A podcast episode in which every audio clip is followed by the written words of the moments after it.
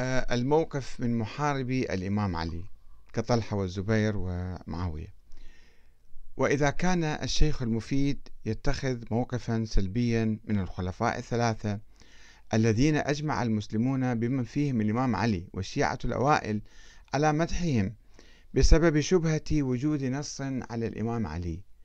فقد كان من المتوقع جدا أن يتخذ موقفا أعنف ممن حارب الإمام علي من الناكثين والقاسطين والمارقين كأصحاب الجمل طلحة وزبير وعائشة ومعاوية بن أبي سفيان والخوارج. بالرغم من مرور أكثر من ثلاثة قرون على الفتنة الكبرى وذلك لأن الموقف السلبي منهم وتكفيرهم كان قد أصبح لدى المفيد مسألة عقدية وليست تاريخية شخصية تسمح له بالقول وليست مسألة تاريخية شخصية تسمح له بالقول غفر الله لهم جميعا كما كان يقول عامة المسلمين. ومن هنا فقد حاول المفيد أن ينظر للموقف من محاربي الإمام علي بحماس شديد فاعتمد على آية الطاعة. يا أيها الذين آمنوا أطيعوا الله وأطيعوا الرسول وأولي الأمر منكم. وقال لقد قرن طاعة الأئمة بطاعته ودل على أن المعصية لهم كمعصيته على حد سواء من حكم في حكمه وقضيته وأجمع أهل القبلة على فسق محاربي أئمة العدل وفجورهم بما يرتكبونه بحكم السمع والعقل. واستشهد أيضا بآية إنما جزاء الذين يحاربون الله ورسوله ويسعون في الأرض فسادا أن يقتلوا أو يصلبوا أو تقطع أيديهم وأرجلهم من خلاف أو ينفوا من الأرض. ليقول اتفقت الإمامية والزيدية والخوارج على أن الناكثين والقاسطين من أهل البصرة والشام أجمعين كفار ضلال ملعونون بحربهم أمير المؤمنين وأنهم بذلك في النار مخلدون. واتفقت الإمامية والزيدية وجماعة من أصحاب الحديث على أن الخوارج على أمير المؤمنين المارقين عن الدين كفار بخروجهم عليه وأنهم في النار بذلك مخلدون. وروى المفيد عن الزيدي المتطرف أبي الجارود عن جعفر بن محمد عن أبيه الباقر. قال الشاك في حرب الجمل كالشاك في حرب رسول الله.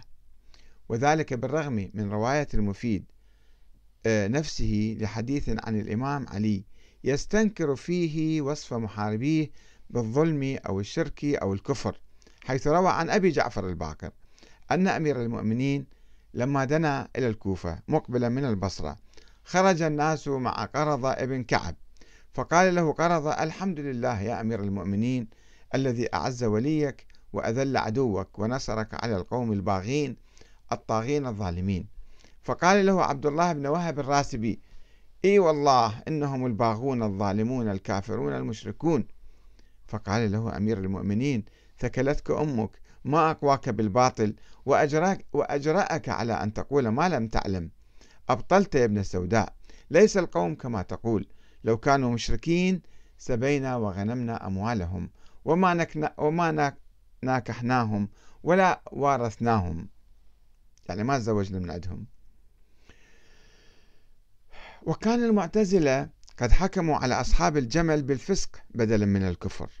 وأما المرجئة وأصحاب الحديث فقد قالوا بأنهم لا يستحقون اسم الكفر ولا الفسوق وأنهم كانوا مجتهدين ولله مطيعين وعليه مأجورين.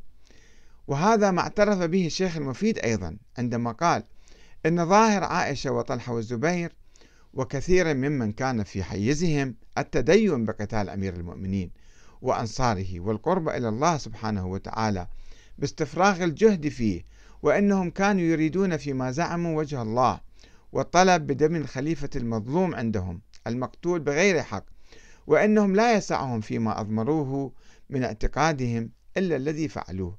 فوضح من ذلك أن كلا الفريق كلا أن كل من الفريقين يصوب رأيه فيما فعل ويخطئ صاحبه فيما صنع. ويشهد لنفسه بالنجاة ويشهد على صاحبه بالضلال والهلاك إلا أن أمير المؤمنين عليه السلام صرح بالحكم على محاربيه ووسمهم بالغدر والنكث وأخبر أن النبي صلى الله عليه وآله أمره بقتالهم وفرض عليه جهادهم ولم يحفظ عن محاربيه أو يحفظ عن محاربيه شيء ولا سمة مثل ذلك.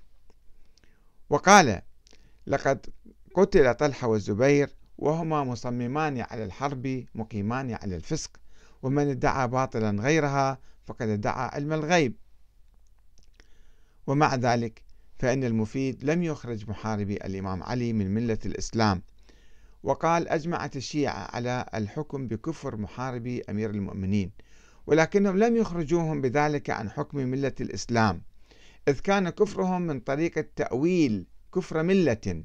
ولم يكن كفر ردة عن الشرع مع إقامتهم على الجملة منه وإظهار الشهادتين والاعتصام بذلك عن كفر الردة المخرج عن الإسلام. وإن كانوا بكفرهم خارجين عن الإيمان مستحقين به اللعنة والخلود في النار. والسؤال الآن ما الذي يدفع الشيخ المفيد والشيعة الإمامية عبر التاريخ إلى اتخاذ موقف سلبي من الصحابة الذين حاربوا الإمام علي؟ أو اغتصبوا الخلافة منه. وما الذي يمنعهم من طي صفحة التاريخ والدعاء للجميع بالمغفرة والرضوان؟ إن السبب وراء ذلك في نظري هو الإيمان بنظرية الإمامة الإلهية وإضفاء طابع ديني على الخلافات السياسية والعسكرية التي جرت بين الصحابة في الفتنة الكبرى. وهذا ما يتجلى في أقوال الشيخ المفيد الذي يؤكد على ذلك حيث يقول في باب القول على صواب فعل أمير المؤمنين في حروبه كلها وحقه في جميع أقواله وأفعاله والتوفيق المقرون بآرائه وبطلان مقال من خالف ذلك من خصمائه وأعدائه.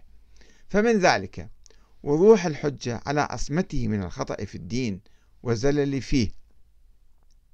ويضيف ومن الدليل على أن أمير المؤمنين كان مصيبا في حروبه كلها وأن مخالفيه في ذلك على ضلال. ما تظاهرت الروايات عن النبي من قوله حربك يا علي حربي وسلمك يا علي سلمي.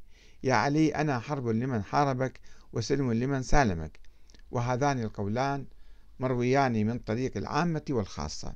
ومن ذلك الرواية المستفيضة عن النبي أنه قال علي مع الحق والحق مع علي وتقاتل بعدي الناكثين والقاسطين والمارقين اللهم والي من والاه وعادي من عاداه. وانصر من نصره واخذل من خذله. وهكذا يحاول المفيد أن يشكل محكمة تاريخية لمحاكمة أصحاب الجمل وصفين والنهروان ليحكم عليهم بالضلال والخلود في النار. والمشكلة الكبرى أن المفيد لا يقتصر في موقفه السلبي من الصحابة الذين قاتلوا أو اختلفوا مع الإمام علي وإنما يجر هذا الموقف إلى أتباعهم عبر التاريخ مما يخلق مشكلة مزمنة في العلاقة بين الشيعة وعامة المسلمين.